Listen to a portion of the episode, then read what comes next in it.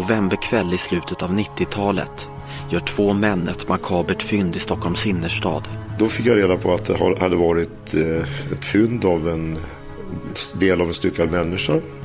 Och sen fick jag se fotografier på det på morgonen och då eh, insåg jag vad, vad det var för någonting. Det var en bål som låg och flöt i vattnet. Av den stympade kroppen att döma har den person som utfört dådet goda kunskaper om kroppens anatomi. Jag fick den uppfattningen att det här brottet har utförts i ett våldsamt raseri. Vad är det för människa? Var kommer han ifrån? Vad har han haft för bekanta? Arbete? Ja, precis allting om den här personen tar man ju reda på. Och ju längre utredningen pågår, desto fler märkliga omständigheter hittar man.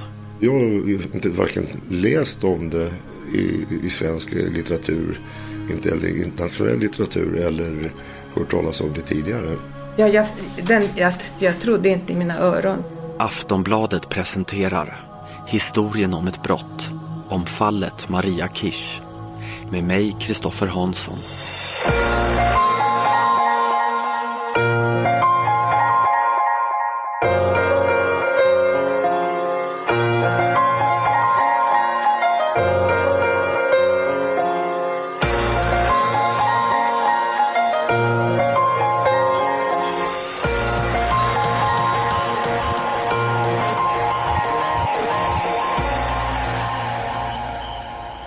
Är den 30 november 1998.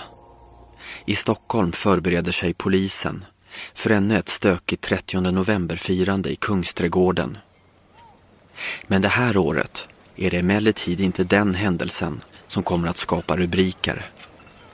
Sent på kvällen, klockan 23.05, kommer två män promenerande längs Söder Mälarstrand i närheten av Slussen i Stockholm. Plötsligt ser de något som ligger och guppar i vattnet mellan två båtar in till kajkanten. Förre polismannen Bo Vide berättar. Ja, det var ju två personer som var ute och gick och eh, ganska sent här på kvällen och såg någonting som låg i vattnet och de, som de inledningsvis uppfattade som en boj eller någonting liknande.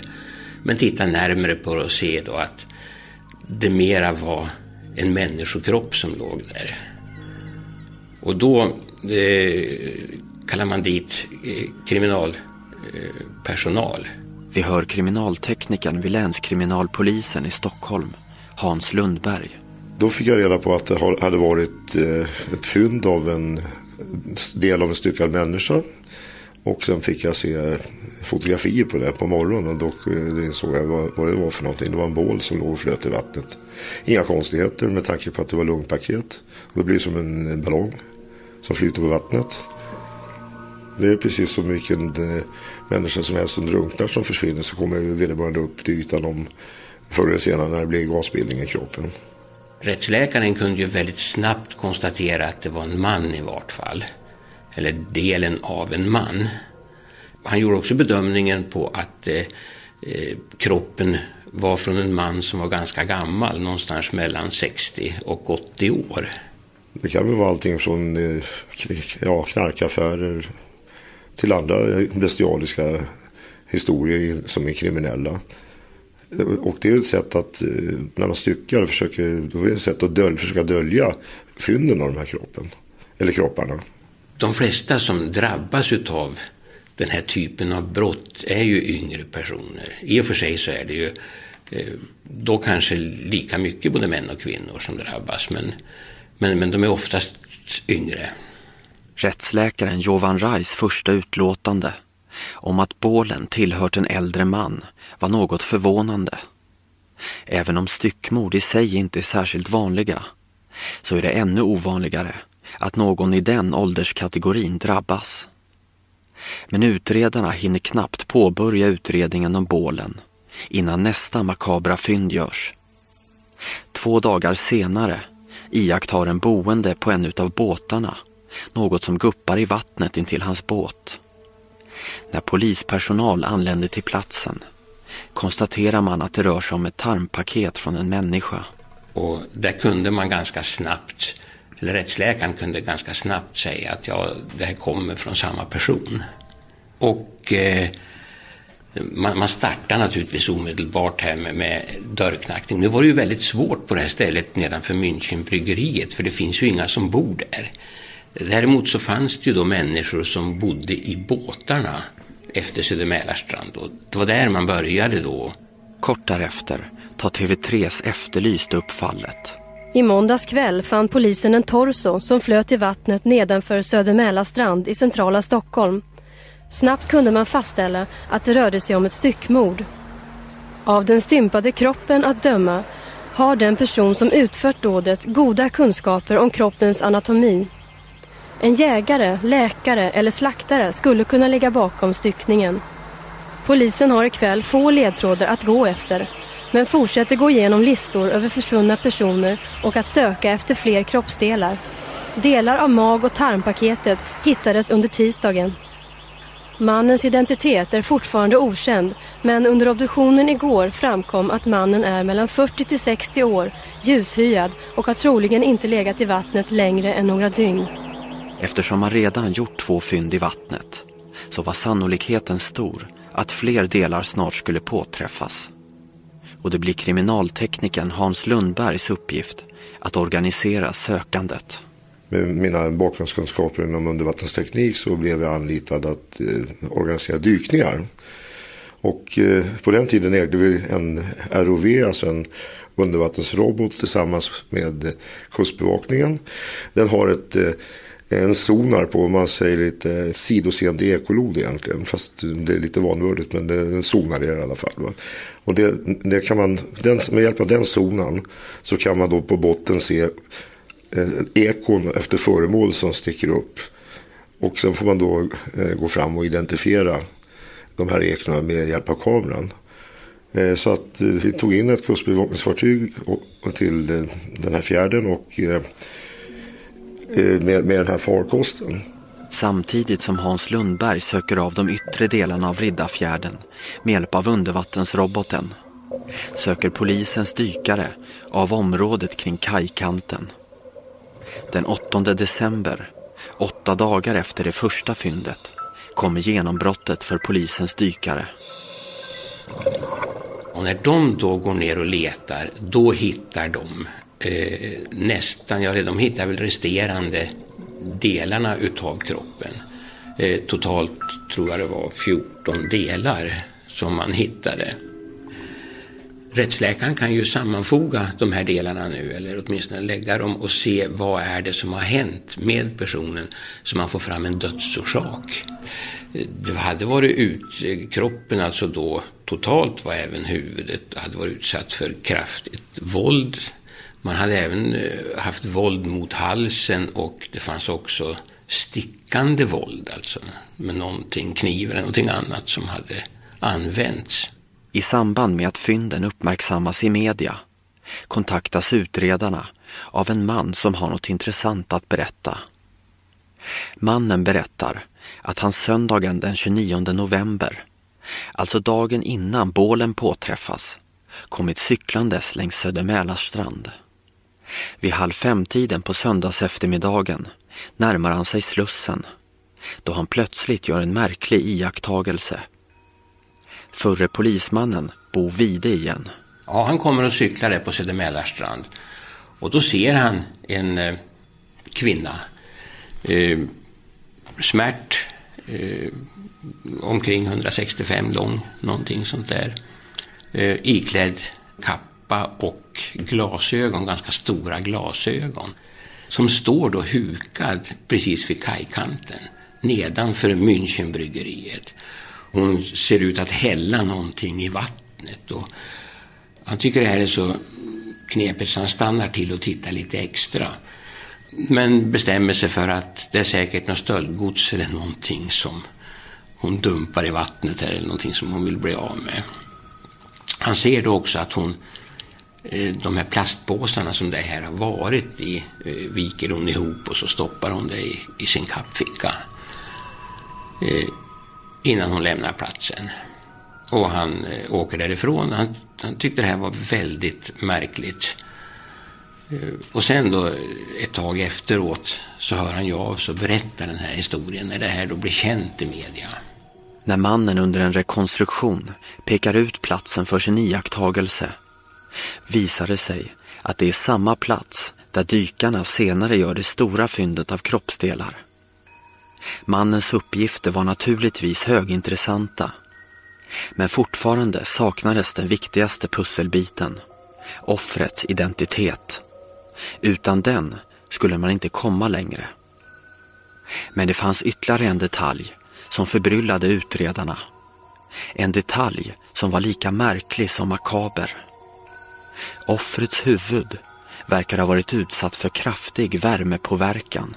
Ja, huvudet var ju, om man säger krympt, eller det var utsatt för, eh, hade varit utsatt för värme på något sätt.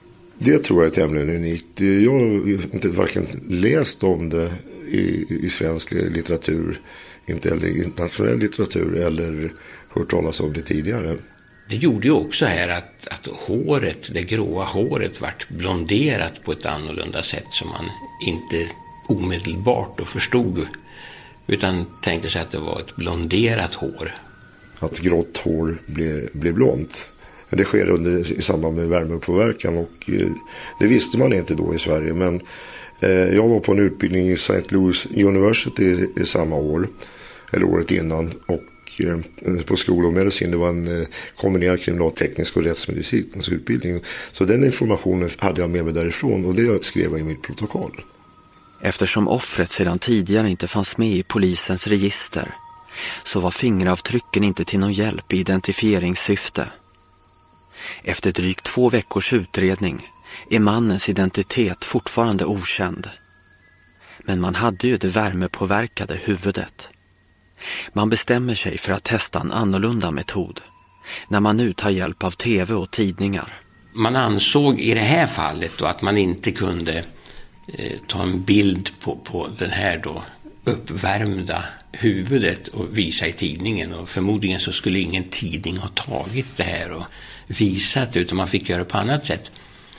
Och då har länskriminalpolisen då en enhet som jobbar just med bilder och gör digitala bilder. Vanligt ord som de säger är ju fantombilder som man försöker plocka fram. Men här hade man ju inte vittnen utan här hade man ju då ett, ett, ett huvud som man kunde titta på. Och så kunde man då göra det så som man trodde det skulle ha sett ut innan det var då uppvärmt. Man, man går väl ut med den så att eh, TV har en, eh, på senare sändningarna där den 15 och den 16 sen så kom ju även det här i tidningsnyheterna och delas ut till folk.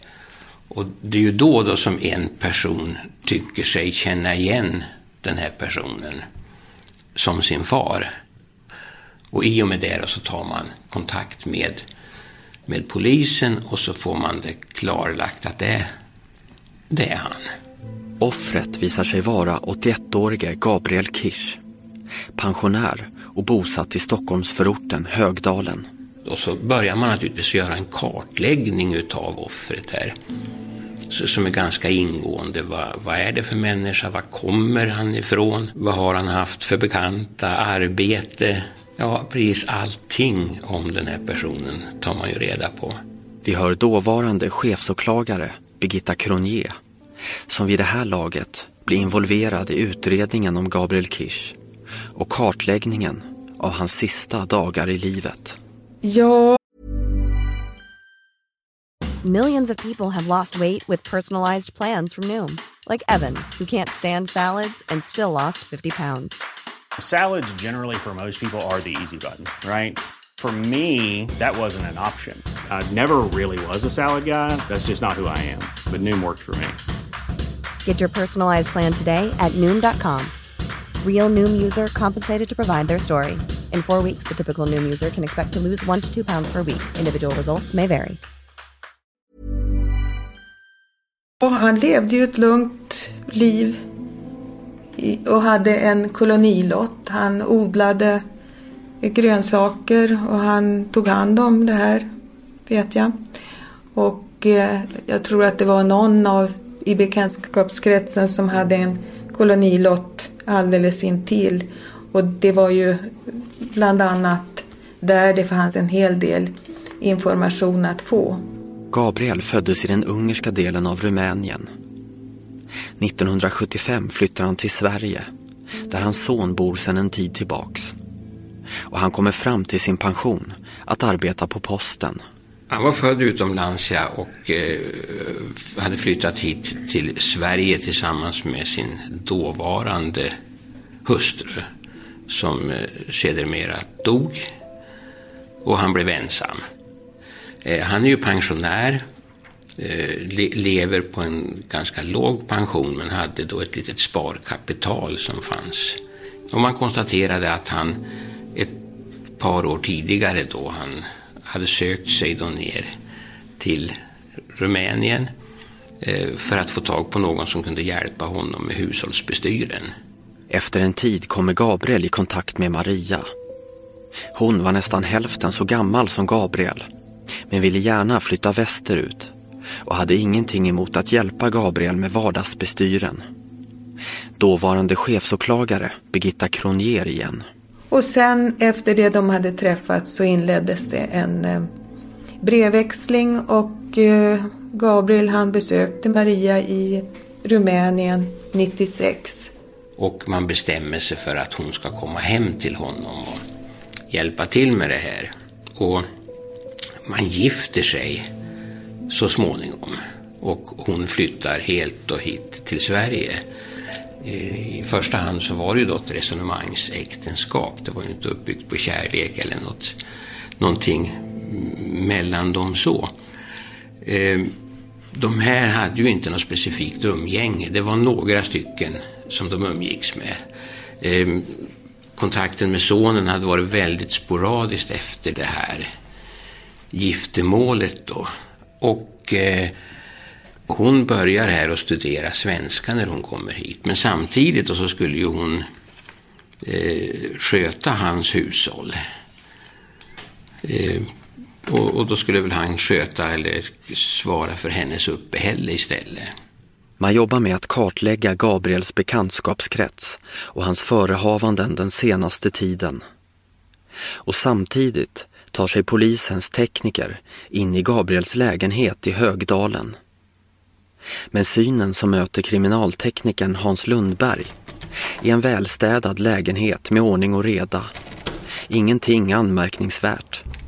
Inte på något sätt eh, skulle jag vilja påstå utan eh, det såg ut som ett helt normalt hem. Eh, I princip inga konstigheter alls. Inget tecken på att det var någon strid eller någonting i lägenheten. Däremot när vi kommer in i badrummet så eh, frapperas vi av att det var extremt rent. Det var ju ordentligt eh, rengjort överallt. Det så brukar det inte se ut i normala hem så att säga. Utan då ska det vara stor, riktig storstädning. Och där, då kör man ju hela lägenheten i sådana fall. Men just där var det det. Och då börjar vi fundera på i termer som eh, är det här det kan den här styckningen kan ha skett. Ja, man hade ju kunskapen om att kroppen var styckad och då är ju frågan om var någonstans har det hänt, har det skett? Och i det fallet så man går ju igenom allting då. Eh, avlopp, eh, kanter mellan kakel och andra ställen där, där saker och ting skulle ha kunnat runnit ner och i synnerhet blod om det har funnits där. Eh, det man först reagerade över det var ju att när man öppnade brunnen till badkaret eller avloppsbrunnen och titta så fanns det, det fanns alltså inte ens hår eller någonting i den här och det brukar ju alltid finnas lite sådana här saker men här var det alltså helt rent. Polisens tekniker anlitar nu också en firma som med hjälp av en fiberoptisk kamera går ner i avloppsröret under badkaret. Yrkesmannen från den anlitade firman har under sina 16 år i branschen aldrig sett ett så rent avlopp det visar sig att röret är skinande rent hela vägen ner i fastigheten. Jo, man sa det, man, man måste ha använt någonting eh, för att få den här renheten. Och renheten satt ju långt, långt ner i rören här. Man kan ju gå ner med fiberoptik och titta och undersöka. Men det var alltså rent så att det måste ha varit ordentliga mängder med det här rengöringsmedlet som hade använts. Dåvarande chefsåklagare Birgitta Kronier jag gick hem själv och tittade i min golvbrunn. efteråt. Och det var ju faktiskt inte, ja jag var ju i lägenheten. Men jag menar, det, tittar man i sin egen golvbrunn så nu lär det finnas ett och annat hårstrå där alltid. Men det gjorde det inte här. Även badrumskaklet och badkaret är skinande rent. Kanske lite för rent. Eh, sen införskaffade jag ett referensbadkar. Och eh, sen tog vi lite eh, humant blod och eh, prövade det och, och försökte skura bort det. Det var extremt jobbigt att försöka få bort det. Just det att man hittar det som, eh, eller man förväntar sig att man ska hitta det som normalt bör finnas där. Alltså lite tvålrester, lite hår, någonting annat. För man, man står ju där oftast och tvättar håret i badkaret och man duschar. Och det är det som är normalt att hitta. Men här fanns det alltså ingenting. Det var ju badrummet det. Och sen gick man ju så småningom då till köket. Då hade man ju kunskapen om den här värme eh, ut, alltså huvudet hade utsatts för värme. Och eh, börjar man fundera på att här är det alltså, måste det vara ugnen som är aktuell. För det var den enda platsen man kunde få en sån långtidsverkan. Och på ugnen, i, i, på den här långpannan som jag kallar det, så finns det ju en rund ring.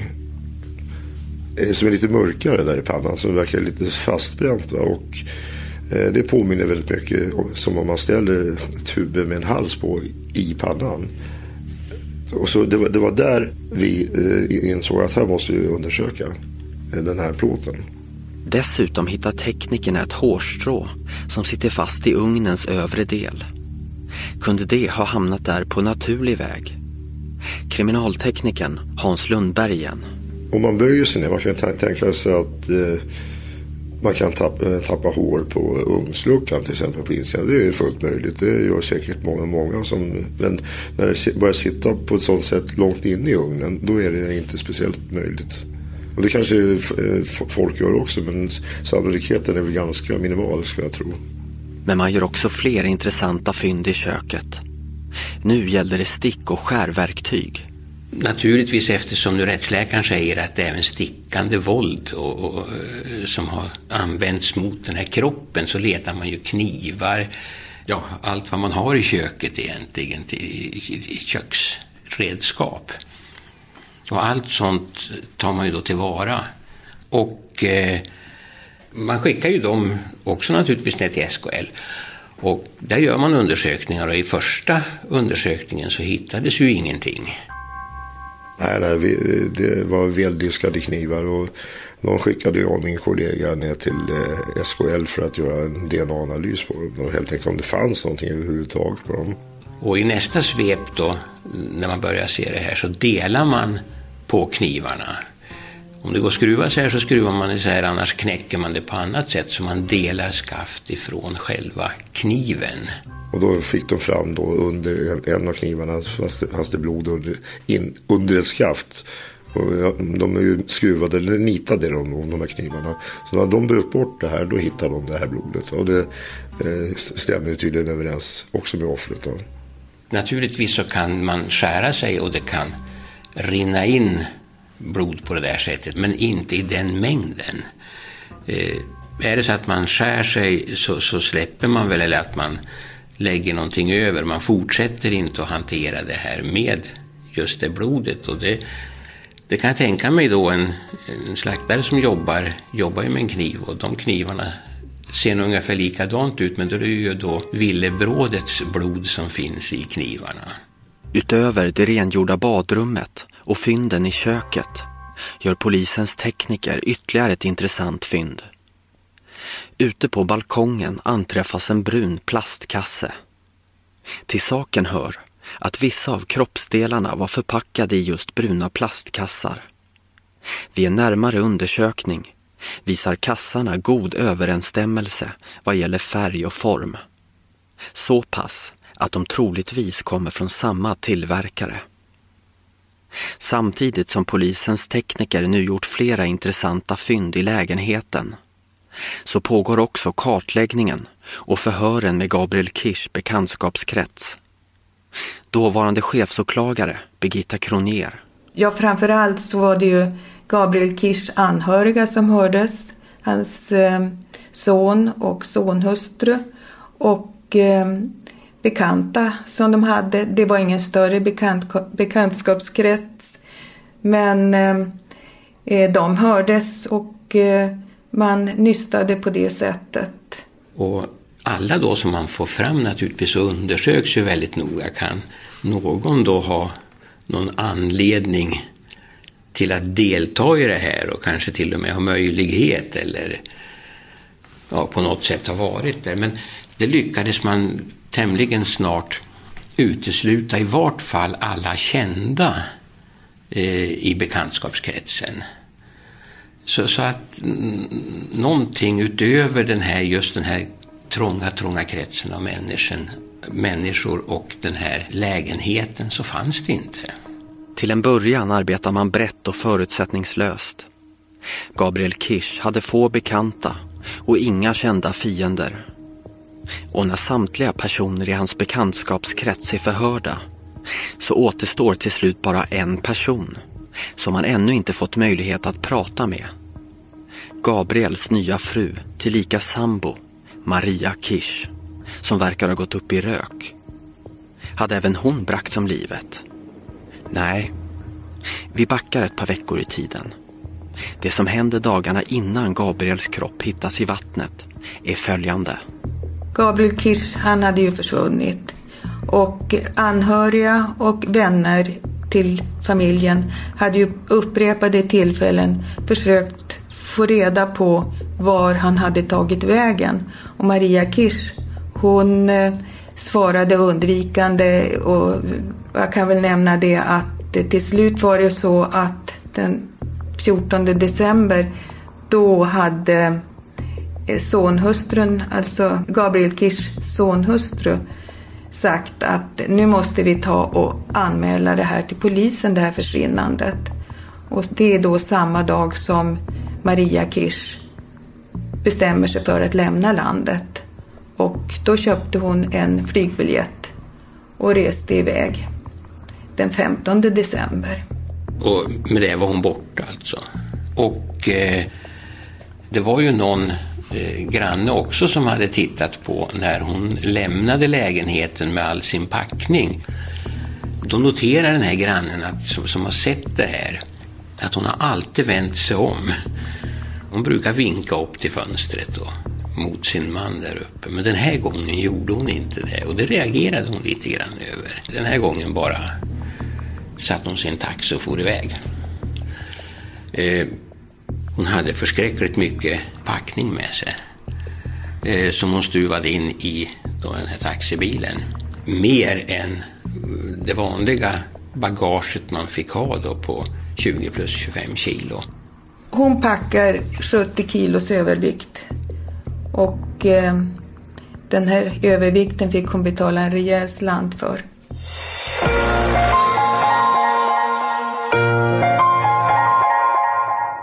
Slut på del 1. Fortsättning följer i del 2.